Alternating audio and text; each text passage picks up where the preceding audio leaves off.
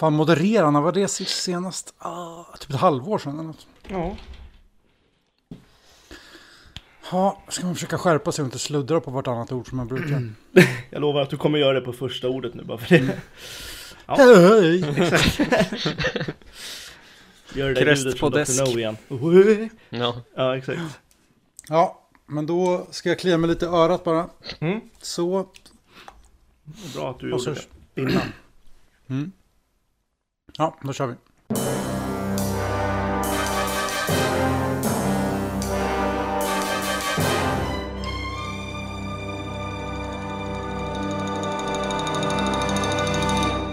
Tjena och välkomna tillbaka till Tid för podd. Dagens 44 avsnitt är helt okänt på förhand, men kommer ändå fram i rampljuset och gör nu ett framträdande. Tyvärr blir det ett engångsavsnitt och troligen hyfsat snabbt bortglömd, men i framtiden är det inte helt omöjligt att det blir populärt igen. Och vem vet, om en sisådär 50 år kanske det kommer en dokumentär om just det här avsnittet. Och jag som vikarierar här vid moderatorsmikrofonen heter Rickard och med mig har jag Ja, det är Otto här. Emanuel. Och eh, Emilio, Ja. som eh, inte är moderator för dagen. Nej. Det är du inte. Det är jag och det känns jävligt ringrostigt. Rickard är George Men, Lazenby eh, i moderatrollen. Ja, Moderatorrollen, inte moderatrollen, vad fan, Moderatorrollen. moderatorrollen. Emil Får aldrig mer komma tillbaka. Ja. Emil är poddens Roger Moore. Har gjort 150 avsnitt ungefär. Faktiskt. Behöver stuntman ibland. Ja, Det är jag som, det är, jag som är Martin Sheen. ja exakt. Ja. Ja, men hur, eh, hur står det till?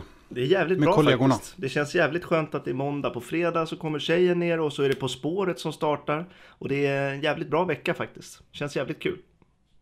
Så det känns bättre än eh, bra. Faktiskt. Så det är kul.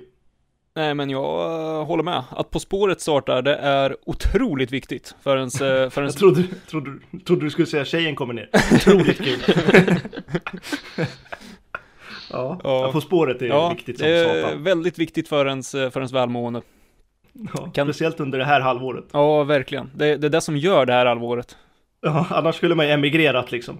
Det hjälper ju en igenom de mörka tiderna. Ja, så är det ju. Annars skulle man ju varit liksom en solsemestrande pensionär i Spanien istället under den här år, delen av året liksom. Den av oss som har mest solsemester-aura är ju du Otto. Ja, ja, jo. Särskilt på vintern. och Tutar iväg och smiter Till från. Phuket. Ja men exakt. liksom. Ja, nej, men det är väl hyfsat okej här med. Första advent igår, höjdpunkt på året. Det är alltid, Mm. känns alltid skönt att fira första advent för det känns som att det är startskottet på jul, vilket det typ är också. Så jag, jag gillar verkligen den dagen och jag har fortfarande lite julkänsla kvar i, i magen. Jag satt och lyssnade på julmusik idag på lunchen och åt en torr sallad, så det är ju kontraster. eh, men i övrigt, ja, tusan, det är måndag. Det, det rullar på helt enkelt. Mm. så sakteligen närma sig någon form av semester känns det som. Mm. Vad tycker du om På spåret då? Eh, Det är underbart, underbart. Ja. Det är jäkla bra dagar vi hade när vi kollade på Spåret en kväll, kollade på Live and Let Die en annan kväll. Ah, När jag var nere Ja. i Stockholm i vintras alltså. Vi var ju tvungna att väga upp en begravning som hela resan började med. ja men exakt, så det var, nej På Spåret underbart, jag ser fram emot fredag.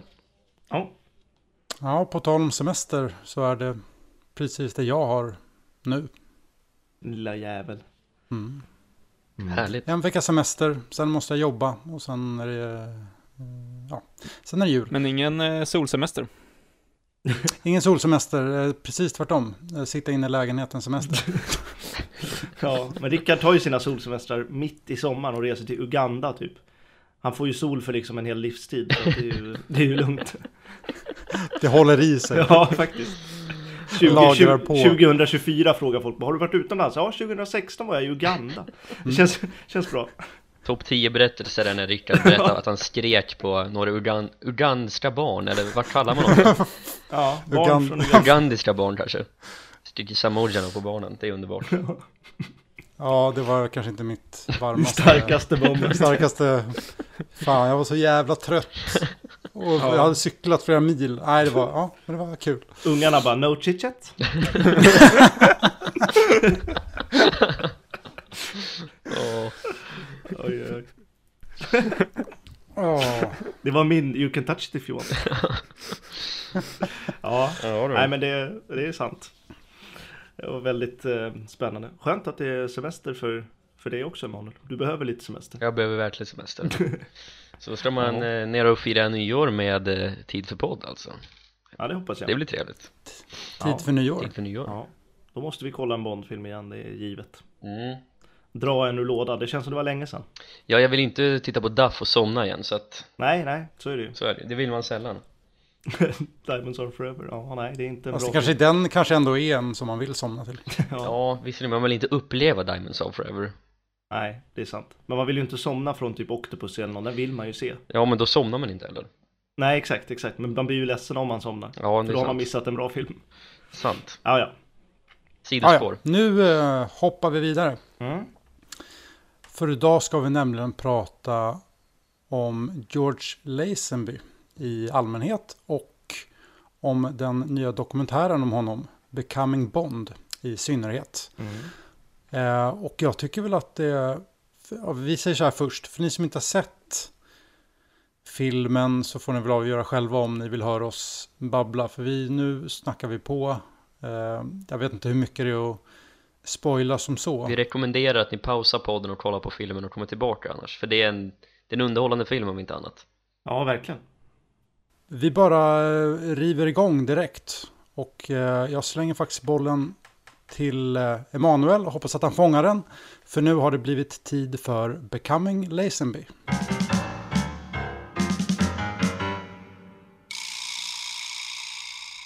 Yes, det känns skönt att köra lite bakgrundssnack igen För det här kommer bli ett bakgrundssnack Dels lite om filmen, men framförallt om the man himself, George Lazenby och det är väl lika bra att börja från början, det är väl rimligt? Ja, det låter börja från bra. slutet ja. Eh, George Lazenby föddes 5 september 1939 i den lilla staden Goulburn i Australien. Där föddes han till ja, hans pappa som var, eh, jobbade med tåg, George Edward Lazenby och hans eh, mamma Sheila Lazenby.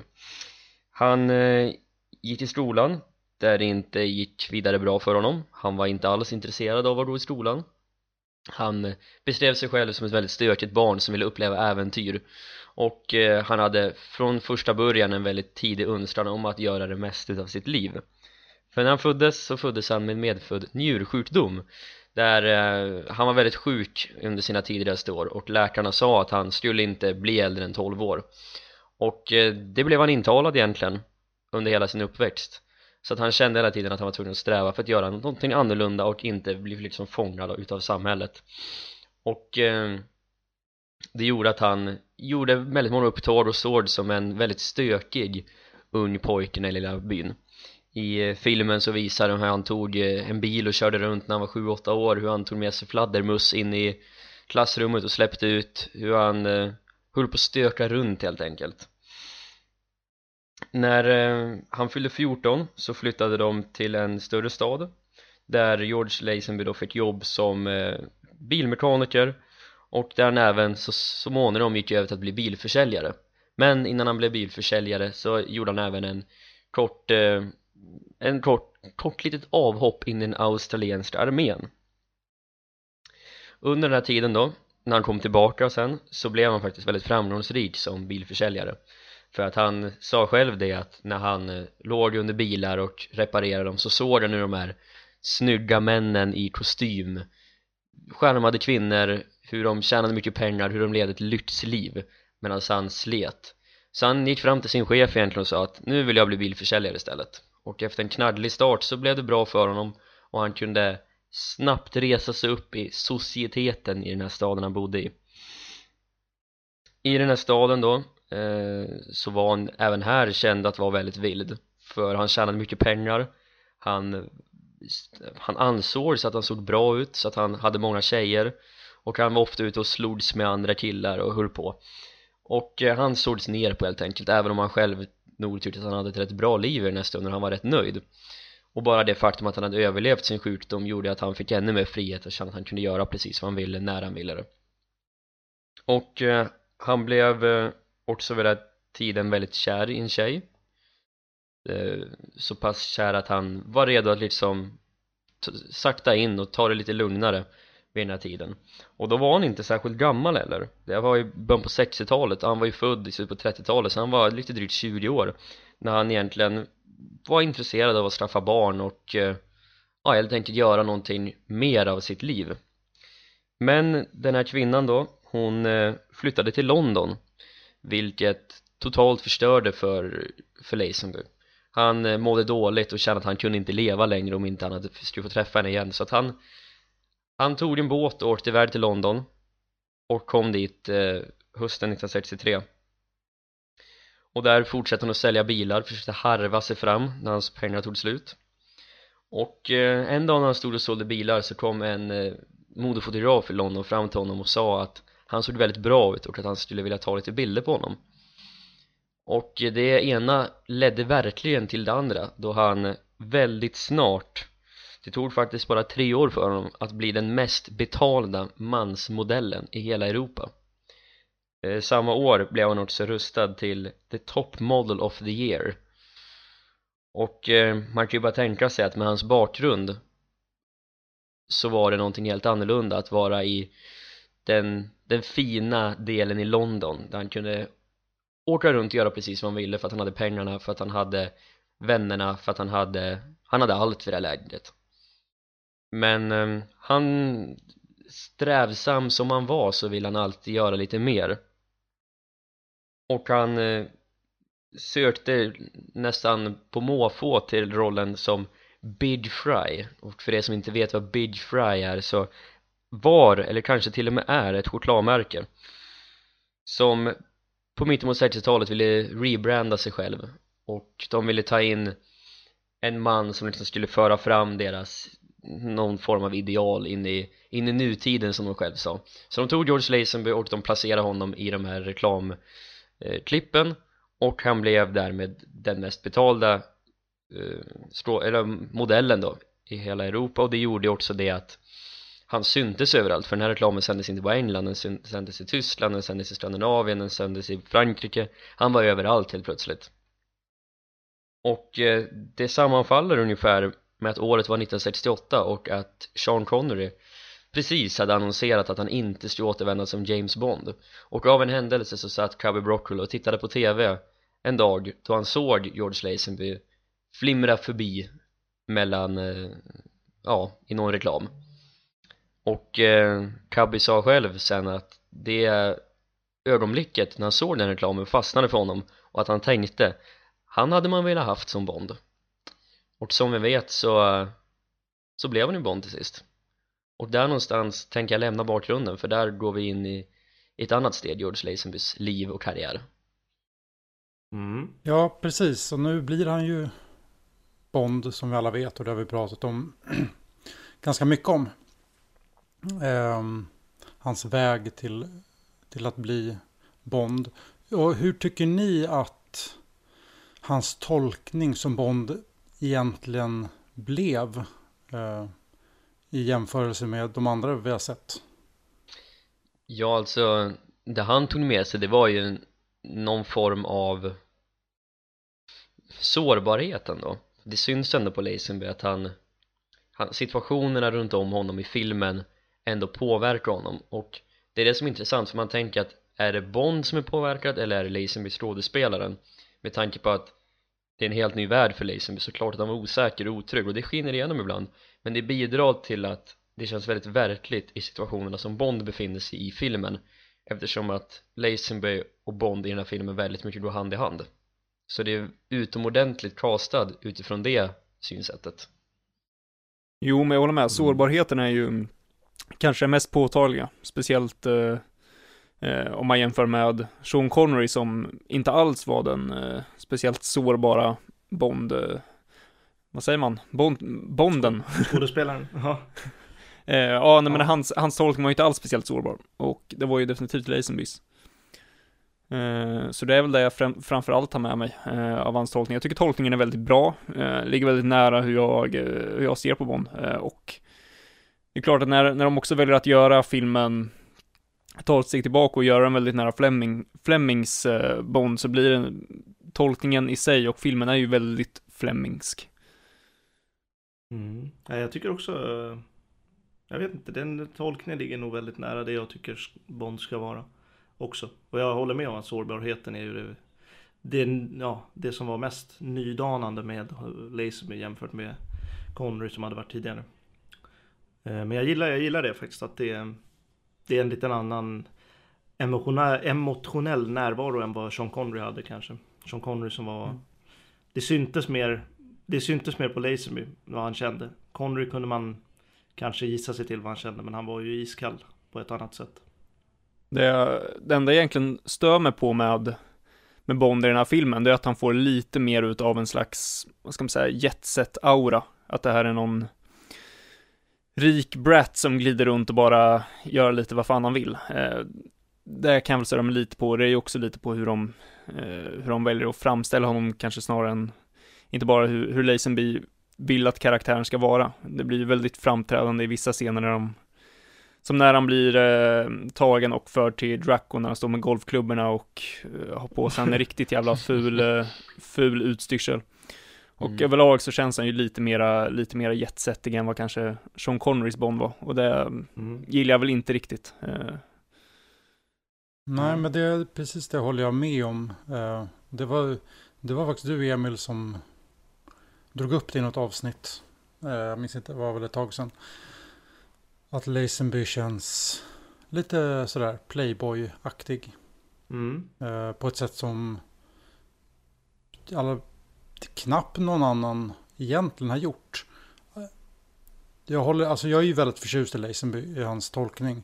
Men det är som du säger Emil, det är, väl, det är väl just den aspekten som kanske... Det är inte så att den är dålig, men det är väl, det är väl den delen av det som inte riktigt faller på rätt sida. För det, det, det går inte... Jag, jag känner inte riktigt med Leisenbys Bond att den här killen har sprungit runt på skotska höglandet liksom. Utan han är ju... Han känns mer som en London-bo liksom. ja, exakt, som sitter på eh, bra barer och plockar hem extremt mycket, mycket tjejer från, eh, från genom, genom att eh, köpa dyr champagne och allt vad fan var det på farsans Mm. kreditkort, kanske det skulle vara idag.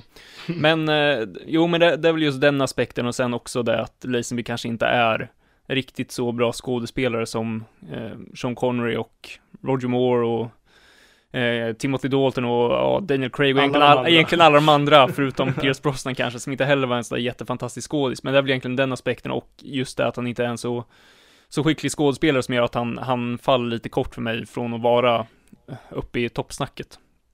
Eh, Ja, när, man, när man ska ranka banorna. Ja, ambitionen är ju bra tycker jag. Det kan vi nog alla enas om. Och idéerna och Mm. liksom vägen och riktningen. Sen kanske inte Lazenby var just rätt man att, att göra det med. Men ehm, jag hade ju gärna sett, med det har jag sagt, en Connery i hög form i Secret Service. Om Mm. den hade blivit precis som den blev. Ja, Nej, men det är väl Sen också är det ju att Lazenbys Bond är väldigt mycket formad ut efter 1969 Det känns som att Ja. hans Bond var väldigt mycket där och då På, Mm. menar Connerys Bond känns ju väldigt tidlös bara i en film tidigare.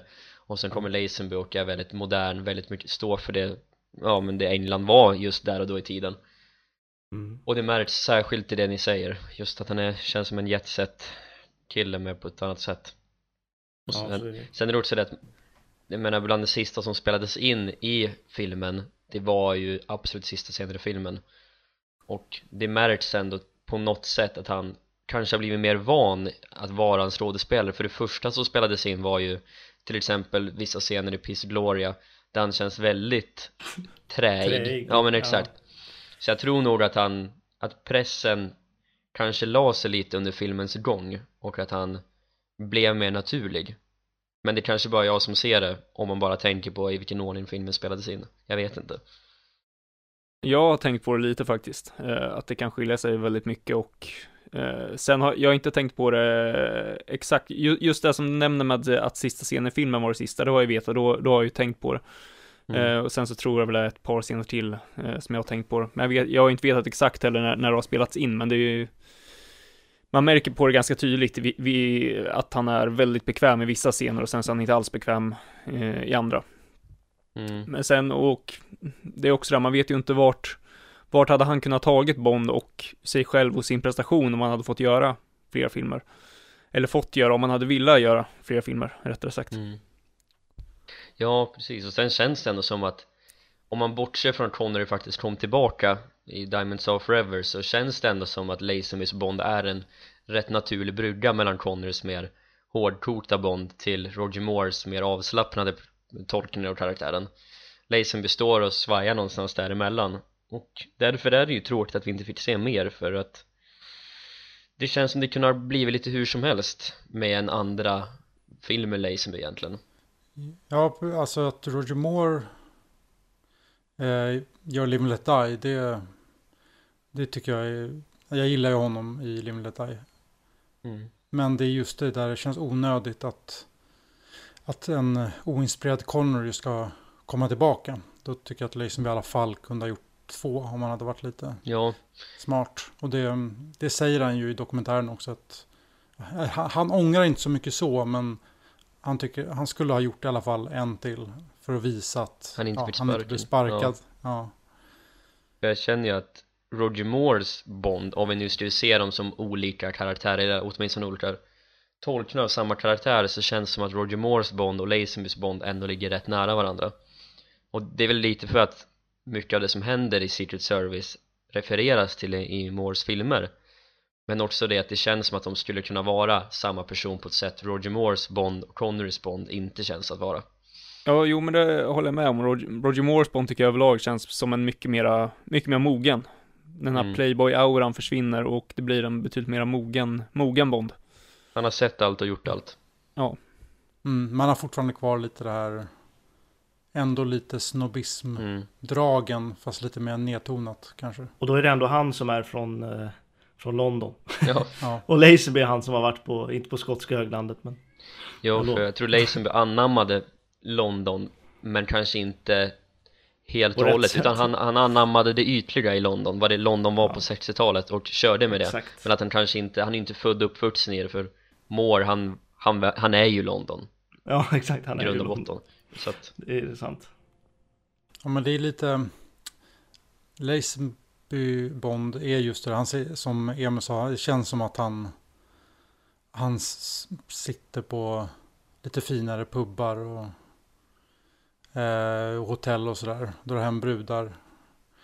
Eh, medans Moores Bond är, kanske mer är... Ja, han, han står med på lekplatsen med sitt barn liksom och bygger sandslott. Mm. Eller något. Och det känns ju väldigt bondigt. ja, Nej, men jag vet inte. på en, på, en, Moores, på en bättre restaurang kanske. Ja. Ja, alltså Moores Bond känns lite mer... Eh, vardag, lite mer inte så uppiffad på något sätt. Nej men om Lazenby går på nattklubb så går ju Moore på fin restaurang. mm. Lite så Ja, kan jag tänka mig. exakt. Eh, och det är intressant, nu kanske det är ett sidospår, men jag har liksom funderat på det att just Sean Connery i hans Bond-roll eh, är den enda som faktiskt genuint känns som att ja, men den här karaktären han har sprungit runt på skotska höglandet Mm. när han var liten parvel. Jag kan inte påstå att någon av de andra skådespelarna känns så alls. Han har ju lite mer, eh, vad ska man säga, det roa i sig, att han inte är, vad ska man säga, han är, eh, han känns, eh, hur ska jag formulera mig, han känns fin och har bra smak, men han är ändå någonstans huggen ur ett blockträ, om man säger Mm. så. Mm. Han är har- en oslipad diamant Ja, exakt. Han är, han är rå, men kanske inte rå i att, i att han är, eh, vad ska man säga, hur man brukar karaktärisera, eh, han är inte kanske inte rå till sin, till, till sin personlighet, utan mer rå rent allmänt. Han, han känns liksom mer råbarkad. mm. Ja. Men det är något med, för Daniel Craig känns ju också råbarkad. Men han känns ju mer, alltså, mer Birmingham, Ja, Liverpool, ja men precis Ja, ja. Han är ju mer fotbollshuligan. Ja, ja. Lite så. och sen liksom Roger Moore Jag kan tänka mig, jag kan tänka mig hans Bond liksom Att han föds i Skottland och liksom växer upp där tidigare år, Men att han sen har blivit präglad av sina utomlandsstudier och sånt där Som ändå Flemings Bond skrev om att Bond ändå var med ja faktiskt. Liksom Roger Moore var i Paris och florerade och förlorade oskulden när han var 16 år där. Den sidan av, av Roger Moore kan jag se ändå att han, han anammade det internationella livet. Och sen Pierce Brosnans Bond kan jag inte ens tänka mig ha lämnat storstaden någonsin i sitt liv Han föddes Nej. på ett bankkontor. Han föddes i Bilbao hos Laches. Och kastades ut genom den jävla... kastades ut som ett fönster Ja, exakt. landade mjukt tyvärr och överlevde och växte Ja. upp Han har präglats av Bilbaos bankliv. Ända sedan dess. Åh. Och, Ja, han föddes inte i baksätet på en bil, han föddes i baksätet på en limousin. Ja, exakt. Dalton då, vart, hur ser vi på hans uppväxt? Han föddes i en askkopp. Nej men alltså han, eh, han har ju också det där, han har ju lite mer, han skulle jag nog kunna tänka mig ändå springa runt lite i typ så Wales eller Skottland eller något och, och hålla på där. Fast jag tänker mig med att han sprang runt liksom. Han sprang runt på Londons gator Mm. och plankade in på Royal Shakespeare Theatre och satt där och han var fem år och bara älskade eh, Hamlet liksom. Han känns, Ja. ja, han känns sort som en storstadskille ändå Jo, lite i alla fall. Ja, Fast han, han han, känns, storstadskille. han känns mer som Fleming, att han förlorade oskulden på en biograf. mm. Ja, han kollar på någon tung Mm. ungersk film eller något Ja. Ungersk. Är det någon som är mest lik eh, Fleming så är det ju Dalton känns det som. Av de som har eh, liksom spelat Bond. Ja, eller ja, Moore kanske Ja, jo. Om man ska ta det brittiska. mm. Ja, det är svårt det där. Ja. David ja, Niven. men tillbaka till... Ja. Han har sprungit runt. Barry Nelson växer upp i Wisconsin i USA Ja, exakt. Han har Vad sa du? Utanför Skavsta? I Wisconsin sa han. Utanför Skavsta. Han har sprungit plankat in på Skavsta och flugit med Ryanair. Fy fan Ja. Fy fan. Bond flyger Ryanair. Nej men tillbaka till eh, George Lazenby. Mm. Ehm, det kanske inte finns så mycket, vi har pratat om George Lazenby i flera avsnitt. Ehm, och det är ju det här med fysikaliteten också som han eh, kom med på ett, ja, också oslipad eh, diamant för att han inte riktigt visste skulle, hur han skulle slåss och då blev det rätt brutalt. Ja. Och så hjälpte ju klippningen till. Ehm, John Glenn, Peter Hunt style. Men om vi lämnar hans eh, Bond-period. Han försvinner från den och eh, ja, jobbar inte inom film på några år. Sen på 70-talet så dyker han upp i lite B-filmer här och var. Har ni sett något eh, av det övriga som han har gjort? Ja. Jag har sett The Man from Hong Kong. Eh, eller vad den heter. Jag är inte exakt säker på vad den heter. Men Jo, den heter den. så. Okej, ja. Mm. Ja, jag såg, Och den kom 1975 om jag inte minns fel. ja. det är möjligt. Det är möjligt. ja, Hur många av... jag såg den eh, häromdagen. Ja, Ja, jag med. Och, här. Ja, vad, men då, vad, tycker ni om, eh, vad tycker ni om filmen och George Lazenby i filmen? ja, alltså. Jag gillar ju normalt, normalt sett inte kung fu-filmer, så jag vet inte riktigt om om jag är rätt person att ta det här, men eh, den här filmen var definitivt inte ett undantag alltså. Eh, visst, eh, några snygga action och fightsekvenser här och där, men ja, jag tycker att sådana, den typen av actionsekvenser blir tröttsamma och när jag hade kollat klart på filmen så eh, funderade jag på om filmen ens hade någon handling överhuvudtaget. Ja, det undrar jag också kan jag säga. Mm. Jag Det förstod tänkte inte jag varför var Lazenbys karaktär ett hot? Varför var det så viktigt för den där Hongkong-poliskillen som eh, kallas in att få tag på honom? Ja, det var actionsekvenser staplade på varandra och nej, det här, jag tyckte det var en påse skit. Det var The World is not enough helt enkelt. Nej men ehm, ja, nej det är ju, det håller jag med om. Det var väldigt länge sedan jag såg den kan jag säga. Men eh, jag minns inte heller att jag kan komma ihåg någon, någon handling ifrån den. Eh, och jag kommer inte ihåg att jag tyckte den var så bra heller. Så att det var inget som har sagt, satt ett bestående minne på mig om man säger så. Nej, alltså jag såg den för rätt länge sedan och jag minns introscenen, jag tror det var någon fallskärm eller något sånt där som hände i början. Någon kvinna som hoppade fallskärm och så minns jag att det var någon fight-scen. Hängglidare. Ja, dessutom. Och sen var det en fight-scen på George Lazenbys karaktärs tomt över någon middag eller Mm. något sånt där.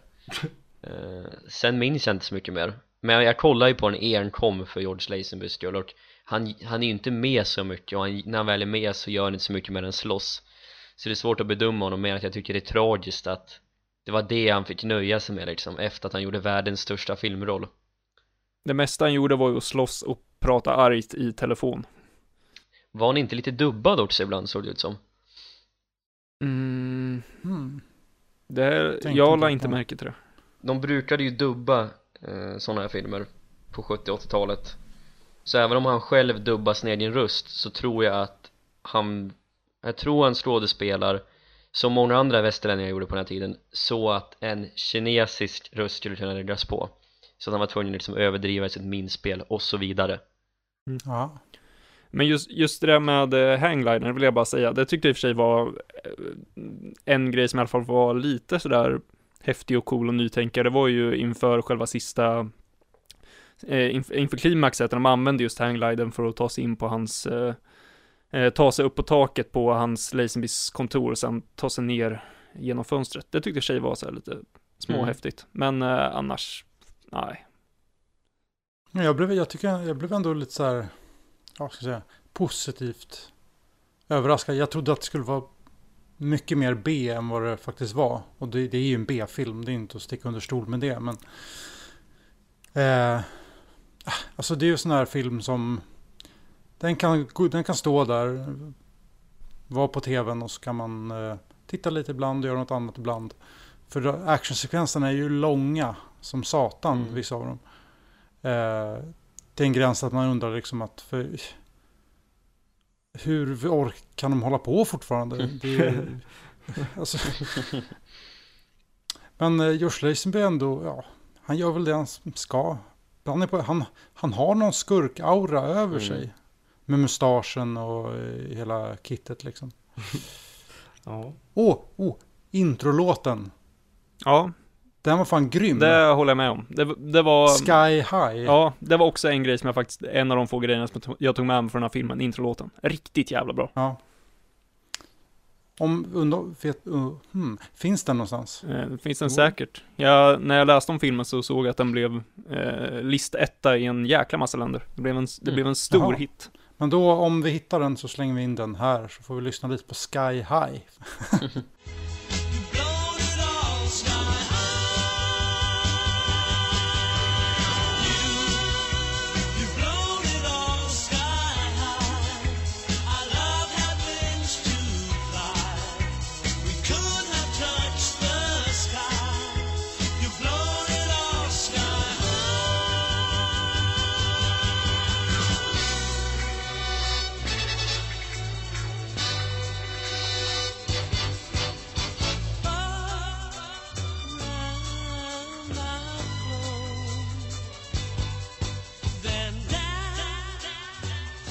ja, Jigsaw heter de som gjorde den. Tydligen. Ja, det stämmer. Just det, så var det. Eh, nej men precis, det är ju ja, men det är så mycket med det här som Lazenby har gjort. Eh, I efterhand är det ju mest kuriosa film sådär. Ja, han var ju så Ehm. nära att liksom få en revival i och med att han och Bruce Lee skulle göra en film tillsammans Det är som när Bruce Lee var som störst Och ju mark- Så gick han och ja, dog. ja, exakt Den marknadsfördes som Bruce Lee vs James Bond och sen liksom skulle de, enligt George Lazenby själv då, jag vet inte exakt hur sant det är eh, Men att de skulle skriva på kontraktet men men att Bruce Lee skulle gå och äta middag först Och så den dagen, så då så dog han ju under middagen.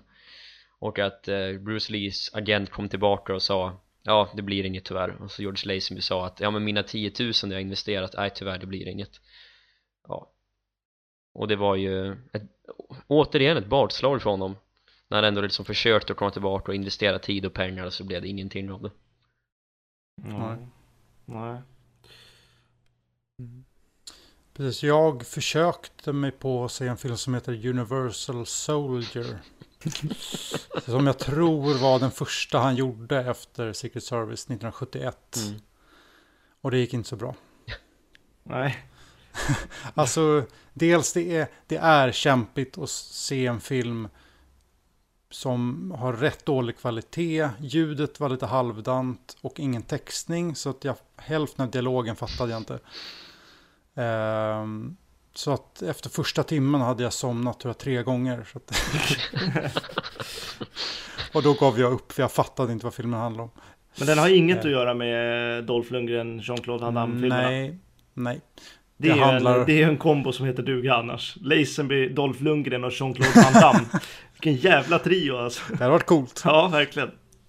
Okej, nej, då har den inte Nej, men han spelar någon typ av eh, legosoldat. Eh, nej, vapen, vapenförsäljare. Som ska sälja vapen till några snubbar och sen ska de gö- eh, gö- hjälpa till att göra revolution i något afrikanskt land. Eh, och det låter ju hyfsat intressant. Men som sagt, jag fattar inte så mycket. Eh, har ni något annat som ni har sett? Jag har sett eh, The Man from Uncle där han är med Där han spelar agenten GB Eh, Han gör inte så jättemycket mer än att han Nej. Varje gång han ska säga sitt namn så blir han avbruten Antingen att det är en tuta som går igång eller att någon skriker eller att det blir pistolskott Han åker mest runt i en vit smoking och dricker martinis egentligen Jag tror den kom 83 och den kom ju liksom, de ville ju casha in på att det var The Battle of the Bonds det året med Ja. Roger Moore och Sean Connery Där, har vi, jag faktiskt- där har vi något som verkligen kommer i skymundan i så fall. ja. Laser, Ja, Laser, scenen- Laserby står mellan Connery och Moore. kan man ju ja. lägga ner. Ja, men den scenen har jag faktiskt också sett.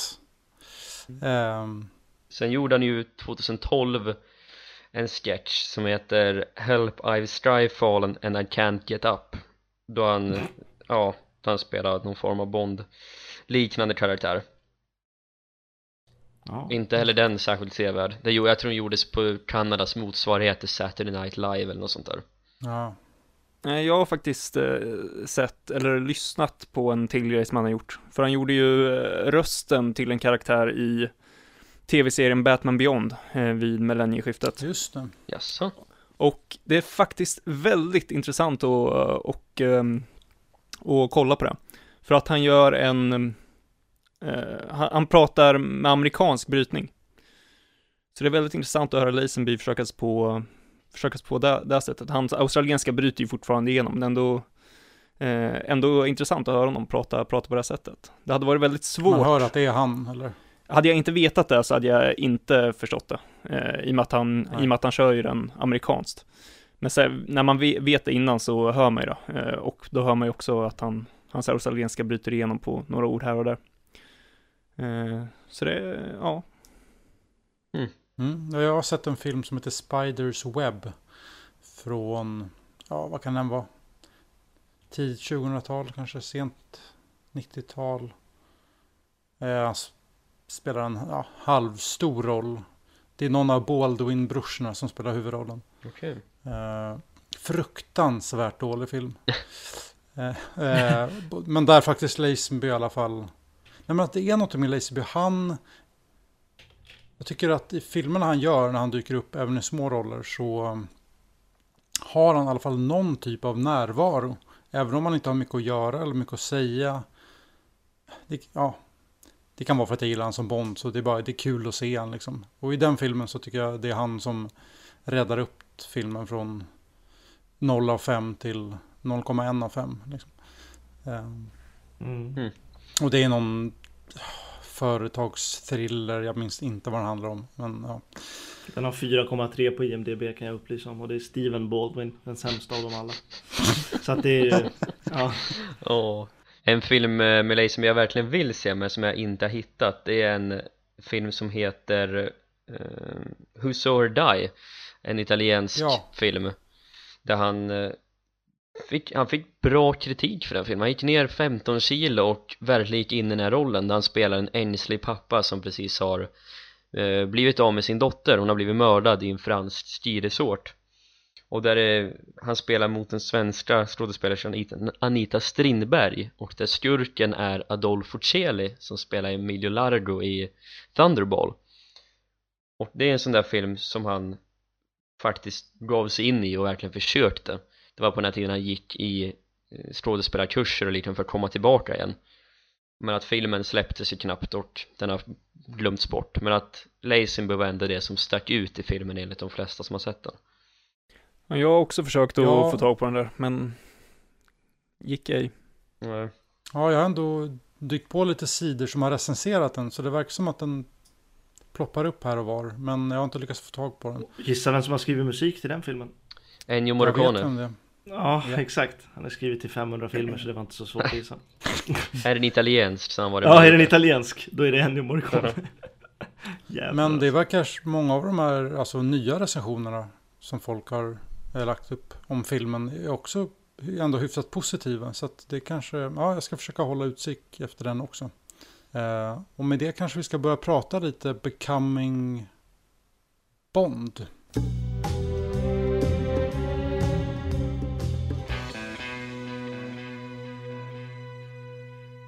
Men jag slänger ut den, här frågan först. Ehm, hur tycker ni att den här varianten av ja, hybriddokumentär funkar? Med intervjuer blandat med spelfilm och en gnutta arkivmaterial.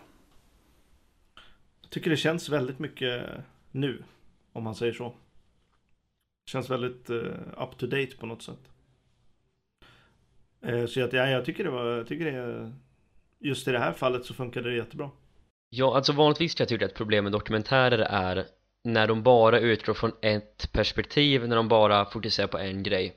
Jag menar, den här dokumentären hade kunnat blivit jättedålig med tanke på att vi bara utgår från vad Lazenby säger och vi vet ju att Lazenby, han överdriver grejer. Det är, liksom, Ja. det är såklart att inte allt i den dokumentären har hänt, det, jag tror inte det och att det har gått 50 år sedan han var med om det och att han överdriver för att det blir bra, bra berättelser och han är ju ja, han är den han är helt enkelt men eftersom att hela dokumentären görs väldigt ironiskt och eftersom att de filmande sekvenserna, alltså de fiktionella delarna som vi faktiskt ser med skådespelarna görs på ett väldigt annorlunda sätt och ett roligt sätt framförallt så köper man ändå Lazenbys berättelse. Det spelar ingen roll om det är sant eller om det är falskt eller det, det framförs så pass väl att inom dokumentärens ramar så är allting han säger sant. Och då, regissören behöver aldrig ifrågasätta George Lazenby för att det här är hans berättelse helt enkelt. Och eftersom att de väljer den vinkeln så funkar det väldigt bra. Och det är nog kanske dokumentärens största fördel och styrka att de, de har lyssnat på Lazenby och gjort sektioner runt om hans berättelser och gjort det jäkligt intressant. Jo, men jag håller med. Jag tycker också det funkar eh, väldigt, väldigt bra. Och just det där moderna i det, det håller jag också med om. Och det är ju stundtal som att punchlinen i ett skämt ligger i klippningen. Och det där är ju ett väldigt, vad ska man säga, modernt sätt att göra det på. Det är ju nästan YouTube-generationen som gör, gör, gör eh, saker och ting på det, på det här sättet, sketcher Mm. på det här sättet. Och det, men det, ty- jag tycker det funkar kanon. Ja. Ja, ja den är väldigt lättsam också, det var bara att slå igång den och sen hade 95 minuter gått förbi och Lazenby är ju en riktigt bra berättare och det, det sammanvävs gjort som att eh, regissören uppenbarligen gillar att han gillar Bond och att han gillar Secret Service framförallt Jag gillar ju han som spelar Lazenby, Josh Lawson. Jag tyckte han var fantastiskt bra som... Ja, inte just att han var så lik, men det, behöver, det är inte det viktigaste för mig egentligen när, det, när jag ser på en biopic eller någon dokumentär med, med fiktiva inslag att personen ska vara lik. Jag tycker snarare man ska tro på han som karaktären. Och det gör jag verkligen här. Jag tycker han, han är extremt... Han känns väldigt mycket som jag tänker mig att Lazenby var. vad, vad tycker ni om, ni andra om Josh Lawson som spelar huvudrollen? Ja, jag vet inte riktigt. Um, bl- blandat tycker jag. Jag tycker han blandar och ger otroligt mycket filmen igenom. Och jag tycker det är, överlag så är eh, skådespelarinsatserna ganska bra, men jag tycker att han är en av de som blandar och ger lite för mycket. Eh, han, är, han är bra, men inte fantastisk. Jag eh, tycker jag. jag. Jag ligger väl någonstans i, i mitten. Tre, tre, tre av fem, helt enkelt. Ja, jag var till en början väldigt skeptisk när jag läste om den här filmen första gången att Josh Lawson skulle spela George Lazenby med tanke på att de inte är lik varandra för fem öre egentligen Nej, exakt. Och att han är ju en utpräglad komiker. Men ändå när han var i filmens i filmens värld så var det ändå att han spelade Lazenby med en otrolig kaxighet. Men ändå att det fanns något sånt där någon sårbarhet. Liksom, han var väldigt medveten om situationerna och att, att han gör en film om James Bond liksom, vilket Josh Lawson ändå gör i den här filmen men samtidigt att han har förstått att George Lazenby i grund och botten är en rätt tragisk individ inte bara för det han har varit med om och allting men även för vad folk folk ser George Lazenby som ett skämt liksom. Och den balansgången lyckades han ändå göra rätt bra. Och också det att han har en komisk timing att han har fysiken ändå. Och att han ändå när det ändå behövdes kunde han kunde han visa någon form av, ja men just en sårbarhet som jag inte har sett från den mannen förut så, ja men jag gillar, jag gillar prestationen, jag tycker det var det som gjorde nästan mest att filmen flög Just hans komiska timing eh, håller jag med om och det är ju otroligt viktigt att den satt, för filmen är ju, ja, den bygger ju väldigt mycket på, på sin humor. Så att han, eh, och håller med, hans komiska timing är perfekt. Sen tycker jag att det brister lite i, i det övriga ibland. Ja, jag tyckte han påminner lite om, om Matthew Perry som spelar Chandler i Vänner Ja, i vissa scener. lite samma minspel, lite samma uttryck. Så det var ett plus. Inte så likt Lazenby på det sättet, men kul. Nej, men eh, fi- filmen lever ju mycket på eh, de komiska elementen. Mm. Att eh, skruva till eh, de roliga scenerna. Men det som jag blev förvånad över också var hur öppen ändå Lazenby var. Alltså han, han visade en sida som man kanske inte har sett förut. Att han, det här med, eh, vad hette hon nu? Belinda. Bra? Belinda hette hon, just det. Mm. Och att, eh, att det var liksom ja, hans livskärlek som han sumpade på något sätt. Och att han själv blir väldigt tårfylld. För det, det tror jag inte är någonting han fejkar eller hittar på. Det, är- och det, det blir ändå ganska känslosamt. mm. Mm. Och jag blir ändå en fi, liksom att de ändå lyckas hitta in lite sånt i, i dokumentären. Tycker jag gav ganska mycket. Jag skulle inte säga lite, jag skulle säga ganska mycket, för det var en av de sakerna som förvånade mig väldigt mycket när jag tittar på filmen. Alltså, filmen handlar inte speciellt mycket om Bond, den handlar ju mer om om att, eh, ja, om kärlek och livet generellt, men i synnerhet just hitta kärlek, få kärlek, bli av med kärlek, allt det där. Det är egentligen det som filmen handlar allra mest om, och sen är, är hans äventyr som Bond med på ett hörn, för det är liksom en del i hans berättelse av hur han, hur han till slut landade landade rollen som Bond. Men det är ju egentligen det som filmen handlar om. Det är ju den röda tråden på något sätt. ja, Så är det ju. Ja, Det finns ju ingen röd tråd, alltså Bond är ju inte den röda tråden egentligen. Mer än i liksom avsnittsnamnen, vilka jag tycker är fantastiska Mhm. för övrigt. Men, eh, men, eh, nej det är ju, kärleken egentligen är ju där från början. Liksom, det tycker jag är ganska tydligt. Ja, de, de hade ju kunnat ta den enkla vägen och bara fokuserat på Bond och det hade ju säkert fungerat lika bra kommersiellt men det hade ju inte varit en lika bra dokumentär. Men nu att de ändå tar, tar sig an en form av universell vinkel som alla kan relatera till så blir ju dokumentären väldigt mer intressant framförallt. Och den gör ju även att man kan titta på den igen kan jag tänka mig. För eh, det tänkte väl jag mest på när det annonserades att den här dokumentären skulle göras att vi skulle få höra om George Lazenbys berättelser och det har man ju ändå hört förut. Liksom så fort den dyker upp någonstans så berättar han ungefär samma berättelser. Och därefter man fick höra någonting nytt om honom det var, det var ett wow-ögonblick för mig. För det var Samma här. och han kändes levande på ett sätt han aldrig varit förut. Han kändes som en av oss liksom. Annars kan man ju tänka sig att han är en kille som har gjort saker och sen ångrat dem. Men nu, ja. Det var fint att se Ja, för filmen, eh, då, då blev det också en, en dramaturgi i det hela. Man satt där och verkligen var genuint intresserad av hur kommer det gå för dem? Hur eh, kom, kommer de, vad ska man säga, bli tillsammans? Kommer de hitta tillbaka till varandra? Allt det där. Det, det blev en dramaturgi i den här dokumentären då som var intressant att följa. Mm. Och det kan ju alla relatera till. Just det det handlar om liksom. mm. Såklart. Hade det bara handlat om Hollywood och, och fi- storfilmer så hade ju inte alla kunnat relatera på samma sätt kanske om de inte hade haft den här vinkeln. Nej, nu blev det en väldigt verklig film. Ja, faktiskt.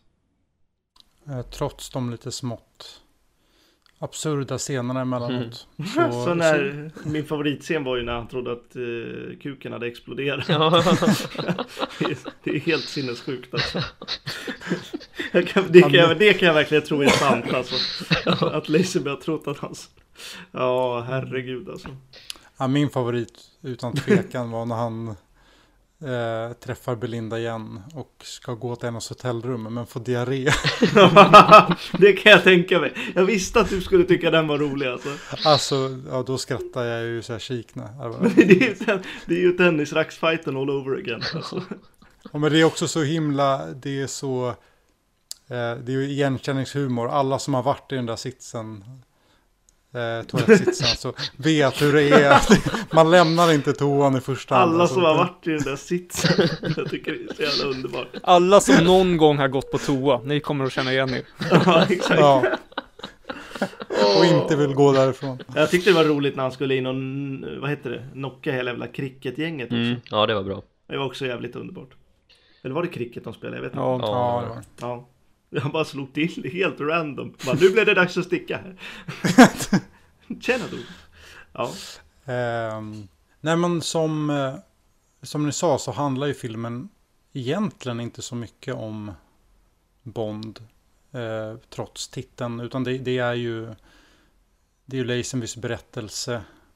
Hans väg till eh, London och eh, hur, eh, ja, hans, hans val i livet helt enkelt. Mm. Eh, men eh, är det någonting ni kan känna som saknas i filmen? Är det episoder i hans liv ni hade velat se mer av? Ja, möjligtvis. Nu, Jag har inget sådär. Möjligtvis vad han gjorde efter Bond Men nu är det ju liksom Det byggde ju fram till att han gör Bond, att han hade allt och att han tappar Det är ju liksom det det handlar om Ja. hela, hela dokumentären Men jag hade gärna velat fått en liten uppföljning där, en liten epilog eller någonting. Nu var det mer på det personliga planet. Men annars så tyckte jag det täckte allt. Från och med att han var litet barn till det att han faktiskt blev Bond då. Så på så Ja. sätt var det bra. Jag tror det hade tappat lite momentum om de hade liksom byggt Ja, det till Bond och sen så berättat att han gjorde lite skitfilmer på Ja, 80-talet visserligen, och sen Men det hade varit kul att se Josh, Josh Lawson tolka The Man from Hong Kong. Med mustasch och... Ja. Jo, men eh, jag håller med. Mer efteråt är väl det som jag eh, kanske, kanske kan eh, sakna av ett rent, ja, men rent intressemässigt. Men jag har svårt att se hur det hade funkat med filmen med tanke på vad filmen är och vad filmen vill vara så mm. känner jag väl inte att jag saknar det. Och sen givetvis som Bond-fan så hade man väl kanske velat haft ännu mer anekdoter om vad som hände där, men för det så finns ju så mycket annat att ta del av redan, dokumentärer och intervjuer och allt möjligt, så det, det behövs ju inte i filmen, så det kan man ju ta del av ändå. Nej, alltså den filmen som de har velat göra, gjort, är ju väldigt, väldigt bra som enhet. Eh, Verkligen. den är precis lagom lång och har ett bra tempo. Liksom. Det man skulle ha gjort i sådana fall, för jag är som jag skulle varit väldigt roligt att se han berätta lite hur han upplevde liksom början på 70-talet och när han började få lite andra roller som inte blev någonting. Liksom. Hur han upplevde det, men då skulle man ha gjort då skulle man ha gjort liksom kanske två stycken, någon sorts miniserie, liksom variant. Att det är tre entimmesavsnitt eller ja, alltså Mm. Mm, ja. Den varianten i sådana fall. Eh, För det, för det är ju verkligen, för att det är ju det man vet om, om Lazenby är att han tackar nej till, till det här kontraktet. Och jag är så fascinerad liksom hur, hur upplevde han tillvaron där i början på 70-talet? Mm. Tyckte han att han hade gjort ett jättemisstag eller jag vet inte, blev han deprimerad? Eller, han känns ju som en person som bara gör sin grej och fortsätter. Så att det skulle vara intressant att veta lite mer hur han upplevde sitt 70-tal. För det känns som att vi inte vet så mycket om det. Alltså det var, för mig var det filmens absolut viktigaste ögonblick. Det är när han berättar om hur det kändes när han tackade nej till ett fortsatt kontrakt. Och man har alltid tänkt att han har liksom blivit lurad av sin agent, att han var lite dumdristig, att han ville bli större och allt det där. Man har alltid tänkt att han har bara Han tänkte in- inte igenom sitt beslut och att han sen ångrar sig. Men han sa ju faktiskt det i dokumentären att Han tyckte inte det kändes rätt helt enkelt. Han kände inte i hjärtat att det var rätt att vara Bond. Och att han inte trivdes med det Någonstans, även fast han gillade uppståndelsen och allt vad det bar med sig Så kände han inombords att jag är inte den här karaktären och jag jag kan inte fortsätta med det för då kommer jag gå under själv. Och att det var därför han tackade nej till det. Och inte för att han var under influens av en agent eller så utan bara för att han kände själv att nu måste jag göra någonting som är ärligt mot mig själv. Ja, för han verkade absolut inte trivas med just det här att bli eh, ihopknippad med karaktären och ha de förväntningar på sig över, över hela tiden att, ja men nu, jag spelar James Bond, då måste jag även vara James Bond privat. Mm. han ville vara sig själv Ja, exakt. men sen tror jag också att han var och är en impulsstyrd människa att han när det väl hade landat att han har tackat nej till pengarna, till filmen och allting då började han säkert förstå att han hade gjort ett misstag men att han där och då i ögonblicket gjorde vad som var rätt för sig själv och det är ju ändå Ja. hedervärd Ja, men det så, sådana ögonblick var det flera stycken i filmen där man märker att han är väldigt, väldigt impulsstyrd och där Mm. i vissa fall får väldigt eh, stora konsekvenser även i, i filmen som vi ser. Ehm, och inte bara med att han tackar nej till Bond, utan att han drabbas även på andra sätt av att han är impulsstyrd och tar dåliga beslut. Mm. mm. Så är det ju verkligen. Mm. Ja, men det är väl precis. Eh, han, om man får den impulsen att nej, det här vill jag inte hålla på med något mer. Och så har man då en agent som är på samma linje att nej, men det här är inte rätt. Då är det ju där det kommer att hamna. Han skulle ju behövt en agent som sa åt honom att tänka efter. Mm. För att som det står i Some Kind of Hero eh, så är det ju, jag vet inte exakt när, hur lång tid efter, men att George Lazenby faktiskt hörde av sig till Cubby och Harry och frågade om eh, han fick ändra sitt beslut. Ja, det var 71 faktiskt, precis innan inspelningen av Diamonds of Forever när de hade Det var Connery så sent. Ja, Ja, då var det ju så dags då. Ja. Liksom. Eh, kunde han ha kommit på lite tidigare kanske. Mm. och Cubby försvarade ju ändå och sa ändå att han gjorde en bra insats och att han hade potential att göra mer men att det var hans val och att Cubby helt enkelt respekterade det Ja. Mm. ja. Wilson har väl också sagt det i vissa intervjuer. Ja, att han hade potential att bli liksom den bästa Eh, Ja, exakt. Han borde gjort några fler sa han och filmen var rätt bra och lite sådana Ja. saker liksom. Michael G. Wilson alltså. För de som Ja. inte vet vem det är. Eh, men hur, eh, hur ser ni på hur, hur Eon porträtteras och porträtteringen av, av Saltzman och Hunt och hela den biten? Störde mig otroligt på att skådespelarna av Harry Saltzman såg precis ut som producenten Harvey Weinstein. Det är liksom avbilder av varandra och jag vill inte tänka mig att Harry Saltzman ens är i närheten av Harvey Weinsteins sviniga personlighet men här, här pushade de verkligen hårt för att Saltzman var ett as. Ja. på alla sätt och vis och det, det känner jag mig lite obekväm med men vem vet? Lazenby upplevde ju säkert honom på det viset så de valde ju att porträttera honom på det sättet också Ja. Men det är liksom det som stack ut negativt för mig i den här filmen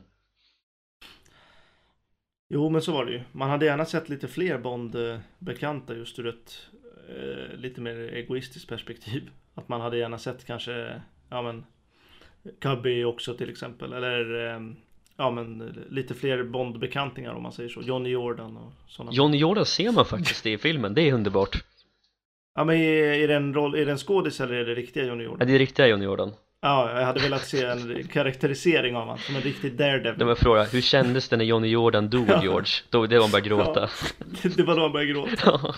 Exakt. Oj, oj, oj. Ja.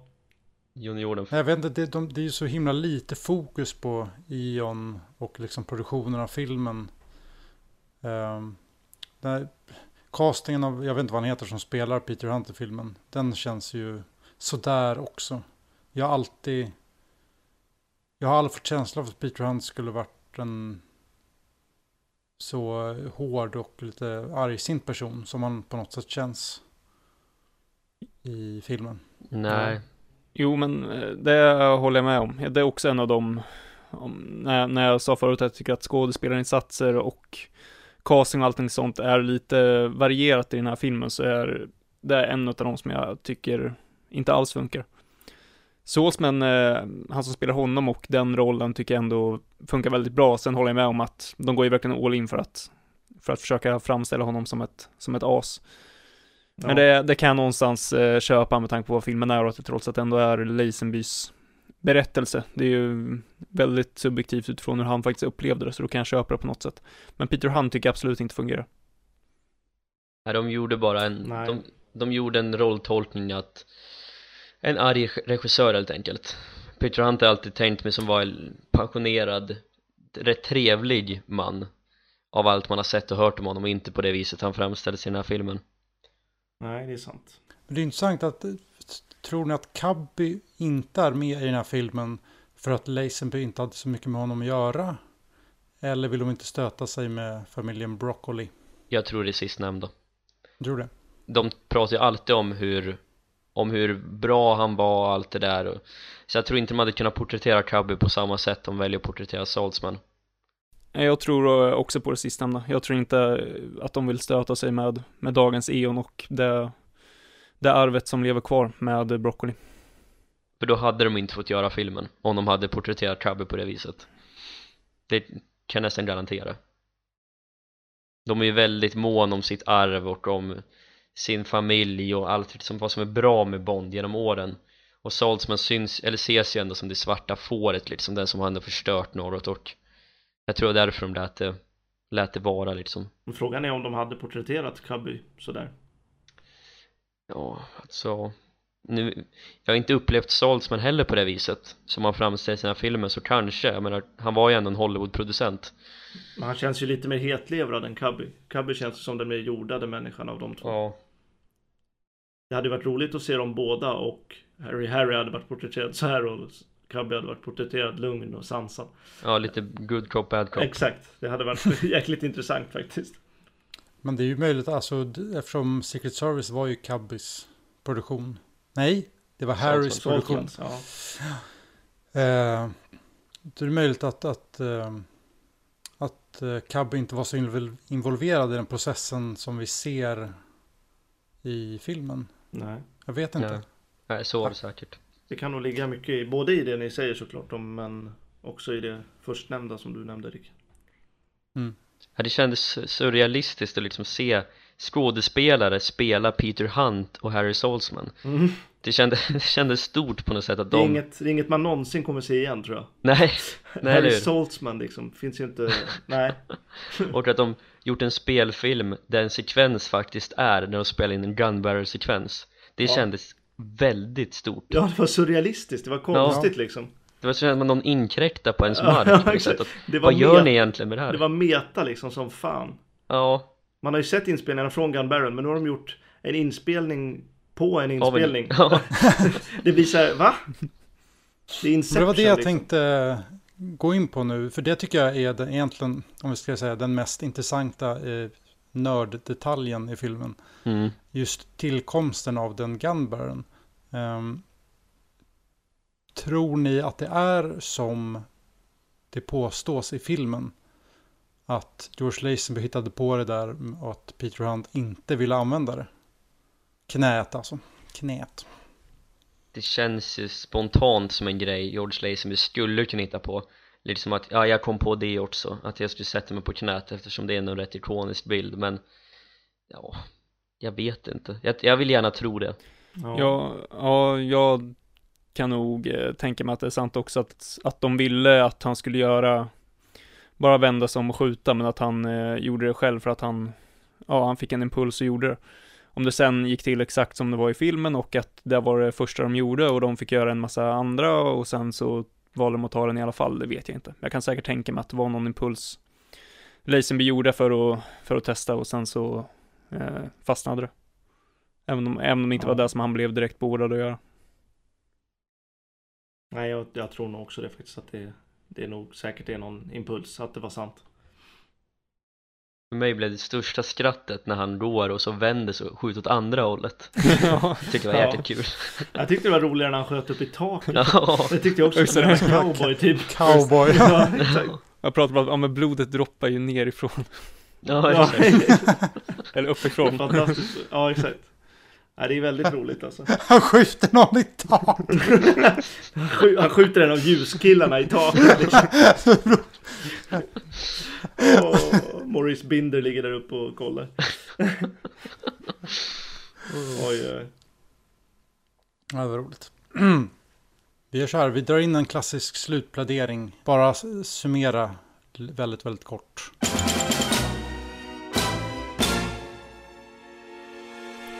Då, eh, jag, jag drar ett namn ur hatten och jag hittar Emanuel. Ja, vad bra. Ja, ja nej men jag tycker det, jag blev imponerad av filmen. Jag var väldigt skeptisk på förhand. Just av anledningen jag sagt förut att vi har hört de här berättelserna tidigare. Hur mycket kan de egentligen göra med materialet? Och sådär, men att när jag väl började titta på filmen så flög den verkligen förbi. Och det var för att den var så pass underhållande. Den var lättsam, den tog en bra vinkel och den tog Lazenbys historia på allvar även om de kanske inte är helt sanningsenliga. Och det bidrog väldigt mycket. Sen bra skådespelarprestationer intressanta intressanta sätt att visa hans berättelser. Eh, och särskilt att det var väldigt underhållande och roligt för att det gillar jag att George Lazenby kan skratta åt situationer och att allt han har varit med om. Och sen eftersom han har gjort och sett allt så har, har det ju verkligen bidragit till en högt flygande berättelse. Och det finns ju vissa sekvenser i den här filmen. Man absolut inte skulle kunna tänka sig vara med i en Bond-dokumentär. Um, och jag gillar verkligen att regissören fick frihet att göra den här filmen med ändå rätt stor budget. Och det är kul att den här regissören och som även var manusförfattare har ett stort intresse för Bond och för Secret Service som är en film som har varit bortglömd nästan i väldigt många år och varit onödigt utskälld och att han, eller att filmen och Lazenby får en liten upprättelse tycker jag är jätteroligt.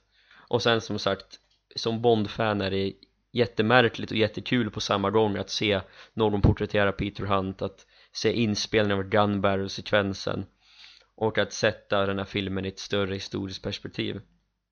Så för mig får den två tummar upp. Betyg jättesvårt att säga för man måste jämföra med andra dokumentärer och det finns inte så många andra dokumentärer jag har sett som är i samma samma ballpark men jag är nog benägen att slänga upp den här på en 7 eller en 8 bara utav rent underhållning jag kommer se den här igen, helt klart så 7 eller 8 av 10, någonstans däremellan Mm. Eh, Otto. Ja, jag var också som Emanuel ganska skeptisk tror jag när vi ja, när, när den kom upp på min horisont. Eh, och vi började prata om den. Och jag tänkte att åh, är det någon jag inte vill veta något om så är det George Lazenby liksom. Jag bryr mig inte så mycket. Men sen så fick jag ju det motbevisat när jag såg filmen att det var visst han jag ville veta mycket om. För de andra har vi hört mer om. Men eh, nej, jag var skeptisk eh, men när när jag läste att den fick bra betyg och det var innan jag såg filmen så blev jag lite mer optimistisk men ändå ja, jag var ganska ja, pessimistiskt neutral om man ska säga så när jag såg den och den eh, överraskade även mig faktiskt. Det var många gapskratt och eh, eh, rörande moment i filmen och att just Lazenby sitter och pratar och den detaljen att de har just avsnittstitlar som typ The Road to Pussy Galore eller någonting i den stilen. Vilket jag tyckte Mhm. var ganska kul. Ehm, och det var ju en nod till oss Bond-fans. Men eh, som, som Emanuel så har jag inte sett så många just som är i samma stil som den här dokumentären. Så jag kan inte riktigt jämföra så men definitivt underhållande och jag är också benägen att slänga upp den på en sjua av tio. Eh, i rent underhållningsvärde och att den är, det är en välgjord kompakt eh, ja, dokumentär. Så nej, 7 av 10 skulle jag nog säga ändå med, eh, med gott samvete. Mm. Då eh, drar jag upp mitt eget namn. Ehm.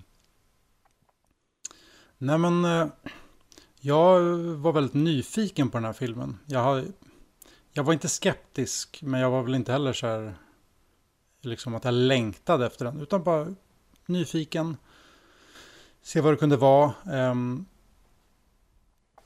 och blev faktiskt också ändå positivt överraskad. Uh, jag visste liksom inte riktigt vilken väg de skulle ta.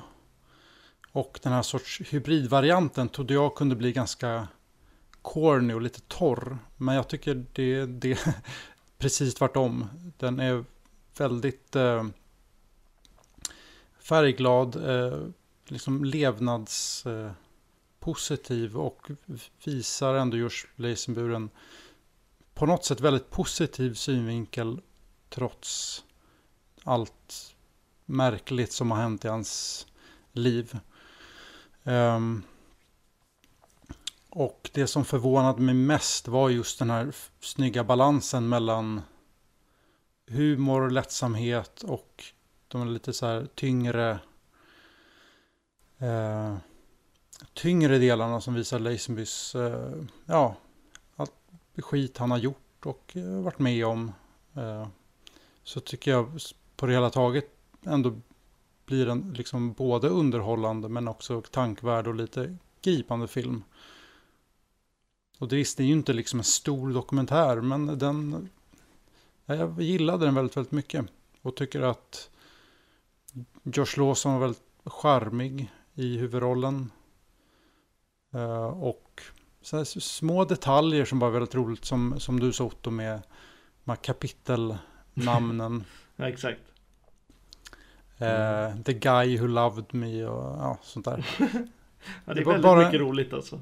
Ja, men en rolig detalj liksom. Och, eh, och också när från intervjuerna ibland med Lazenby så avslutas de med att han härmar någon person. Och då flyttar de över till, till själva scenen med att Josh Lazenby dubbar då den karaktären i filmen. Det är också bara en liten, liten detalj men som bara är ja, roligt. Um, och som ren underhållning så tycker jag också att det kan gott få en 8 av 10. Jag såg den två gånger inom loppet av en vecka och hade lika kul andra gången. Och det båda är ändå gott. Så att, eh, jag tycker att ni kan försöka leta upp den här filmen. Den finns ju på DVD nu för tiden. Och då säger jag Emil. Ja, eh, nej men när trailern släpptes så var jag väldigt skeptisk. Eh, jag trodde inte alls på den här. Eh, sen så, jag såg den redan, när var det, i maj eller någonting när den kom. Och då blev jag helt eh, blown away. Jag tyckte den var fantastisk, det bästa sen skivat bröd i stort sett. och eh, Det bästa sen skivat bröd. Okej, ja, fortsätt. och, eh, ja. Eh, och sen så fick jag den på DVD och sen dess har jag kollat på den eh, tre gånger. Jag har haft den på lite här idag med, men jag tycker inte riktigt det räknas. Eh, och det är en väldigt, väldigt bra film. Eh, framförallt så är den extremt charmig. Och det är just charmen och humorn som gör den här filmen så pass sevärd som den är. Ehm, det som drar ner filmen lite, det är väl just att eh, skådespelarinsatserna är lite ojämna. Eh, vi har snackat lite om vad som spelar Peter Hunt bland annat. Eh, men det är en väldigt bra film. Eh, den, eh, den har en väldigt bra, eh, bra dramaturgi som gör att eh, man eh, kommer in i storyn väldigt, väldigt bra. Och man, man, man vill hänga med helt enkelt och se vart det här slutar, även om man redan vet att det kommer att sluta med att Lazenby bara gör en film och sen tackar för sig, så är vägen dit väldigt, väldigt intressant och någonting som man vill följa. Och eh, en till grej som jag tycker är väldigt bra och som normalt sett inte brukar funka, det är alla de här, eller alla, det är några stycken, men de här metaskämten de har, som för en gångs skull funkar jätte, jättebra. Jag tycker annars att den typen av skämt eh, Eh, där man, eh, ja, me metaskämt om, eh, om just det här med att Lazenby pratar med sig själv, att sådana inte brukar funka överhuvudtaget, men här funkar det jätte, jättebra.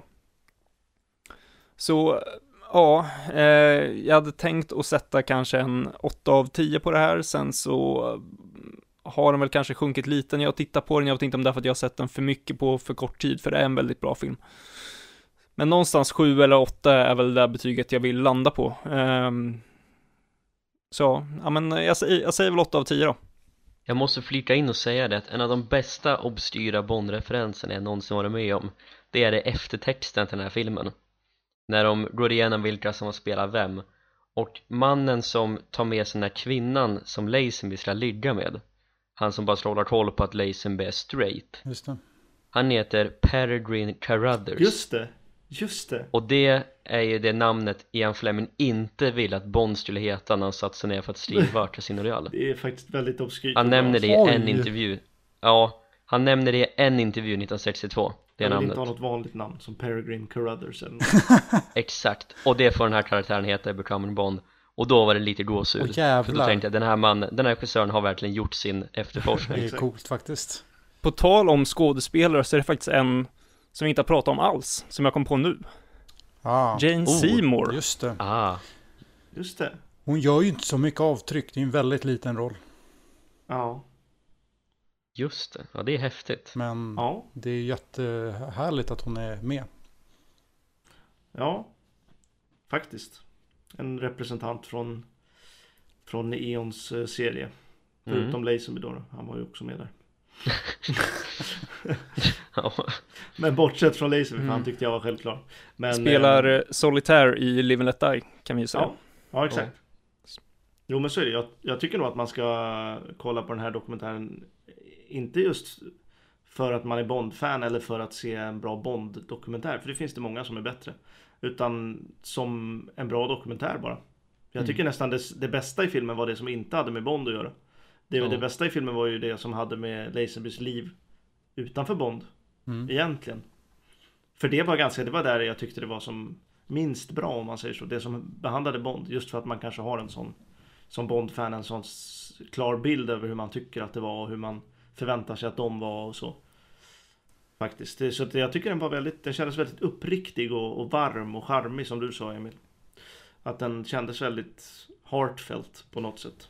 Ja, Sen har den ju blivit unisont hyllad också Ja, Den har ju högt betyg på IMDB Kritiker har gillat den, så jag menar det är ju ändå en film som har slagit an ja exakt. jag hoppas bara att den kan nå ut till folk också. Eh, I det långa loppet vill jag ju att den ska få folk att titta på Honor Majesty Secret Service. Ja, eller jag vill, det, inte ens, jag vill snarare att det ska få folk att, att George Lazenby ska få lite, lite upprättelse.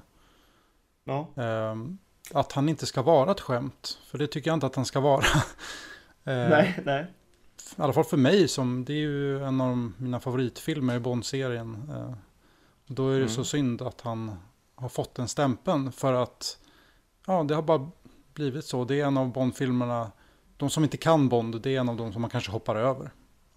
Ja.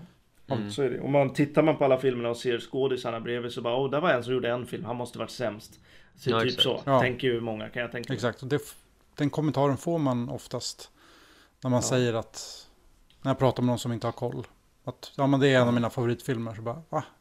Han, hur kan du gilla Ja. den? Ju, han han gjorde ju bara en. Så bara, ja. så, som, att det, som att det ska vara ett argument.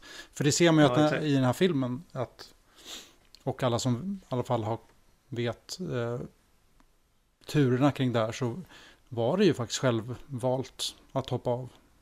Ja. Nu hade jag velat sett en dokumentärserie om Becoming Bond Där vi får se alla Ja, det Bond-skådespelare, hade varit, jag satt precis och tänkte på det i början av Ja. den här podden. Höjdpunkten hade ju varit när en skådespelare tolkar Pierce Brosnans skrik Skrikan. på, då, på, på måsarna på Bondi Beach eller vart Oh. det fan han nu var i Los Malibu Angeles eller någonting tror jag. Ja, Bondi Malibu. Beach ligger ju fan i Australien.